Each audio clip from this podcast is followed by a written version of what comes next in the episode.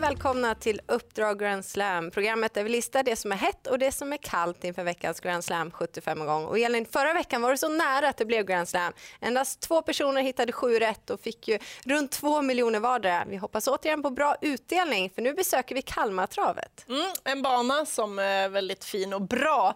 Dessutom så är det ett relativt långt upplopp, 207 meter. Det känns väldigt långt. Det händer mycket under det där upploppet. Jag instämmer verkligen, men någon som har ännu bättre koll på banan är såklart hemmatränaren Fredrik Persson.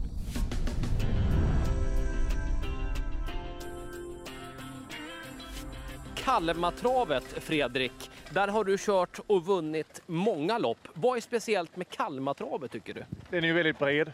Det är väldigt eh, bra förutsättningar i voltstart för alla spåren mm. och kommer iväg felfritt. Och sen är den eh, väldigt skonsam och mjuk oftast väldigt bra underlag. En kanonbana. Ja, det tycker jag.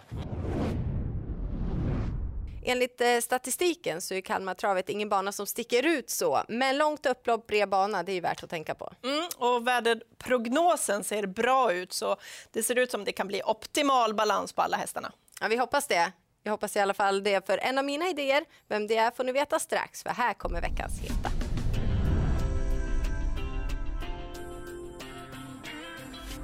Fredrik Perssons stall går bra. Förra månaden tog man sju segrar till stallet och i den andra avdelningen då selar man ut nummer två Giovanna Koger som årsdebuterade på bästa vis. Hon blixtrade till ledningen och vann från den positionen.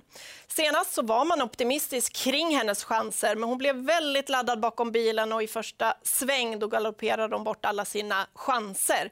Nu ska man eh, döva ner henne ytterligare och hon har perfekt utgångsläge på den korta distansen.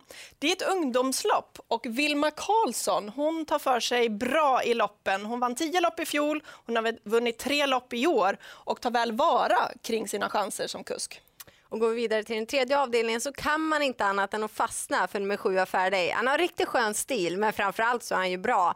Han mötte och slog bra kullkamrater i fjol och året hade inte kunnat börja bättre. Det blev en enkel spetsseger i årsdebuten. Nu startar han fått tillägg och det funkar bra även det, för han är en vass avslutare. Så konkurrenterna de får passa sig på upploppet.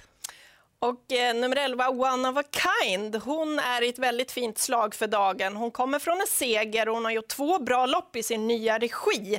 Hon eh, har formen och hon är under fin utveckling. Jag blir inte förvånad om hon tar sig förbi samtliga över det relativa långa upploppet på Kalmar. Ja, hon är given för mig. Och den sjunde avdelningen, då tror jag att det blir rejäl körning inledningsvis. Det finns flera startsnabba hästar med som även växlar upp utrustning. Och går det lite för fort så gynnar det nummer fyra Ultra Violet som spurtade förbi samtliga när hon gjorde första starten i André Eklunds regi. Det här är en rejäl tjej som man gillar skarpt och tror kommer få en riktigt fin säsong. Om vädret tillåter så åker bakskon av för första gången och då kan hon även lättas fram. Och sen skadar det ju inte heller då att André Eklunds stallform fortsatt är riktigt vass. Han har fina 31 i segerprocent. Mm, det är bra. Eh, den sista heta det hittar vi hos veckans profil. Som är Joakim Lövgren. Även han har riktigt fin eh, stallform. Senaste veckan har inneburit fem segrar till stallet.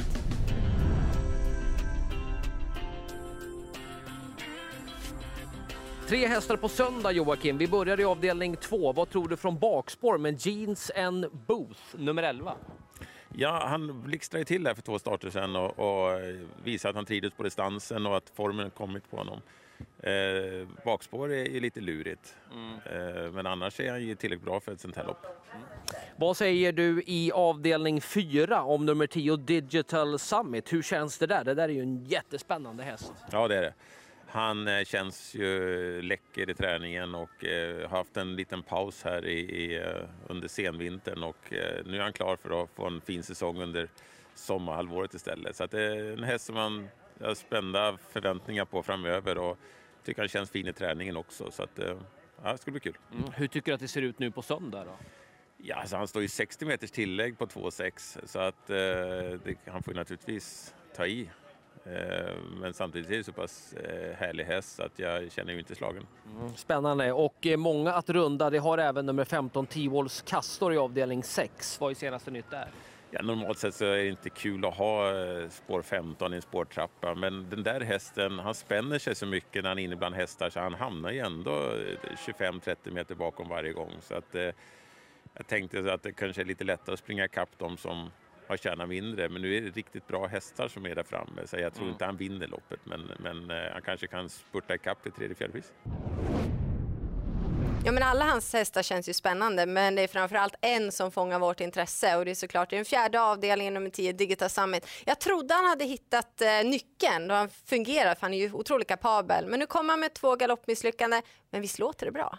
Ja, det ska bli kul att se honom efter den här pausen. Och vi kommer ju ihåg eh, senaste segern. Han svepte fältet på Solvalla och vann på ett mycket övertygande sätt. Ja, även om man har många meter att plocka in då från eh, sina tillägg så får konkurrenterna se upp om man fungerar. Det var de heta. Här kommer veckans kalla.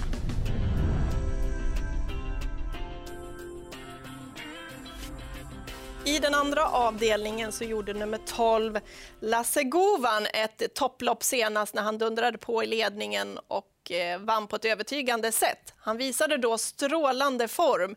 Men den här gången så har han fått ett bakspår och han är allra bäst när han är med i den främre träffen.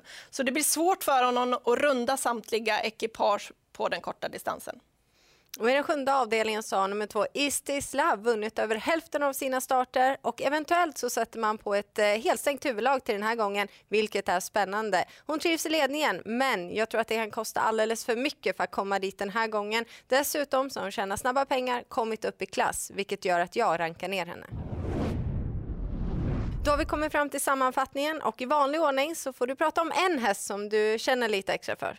Då tar jag Giovanna Koger som har en fin uppgift tillsammans med Vilma Karlsson i ungdomsloppet. Och jag väljer fyra Ultraviolet i den sjunde avdelningen. Vi har pratat om Andrea Klunds stallform och han har verkligen fastnat för den här tjejen. Det var nära Grand Slam förra gången. Vi får se hur det går den här gången. Ja, allting kan hända på Kalmars upplopp. Eh, hoppas att ni tittar. Stort lycka till!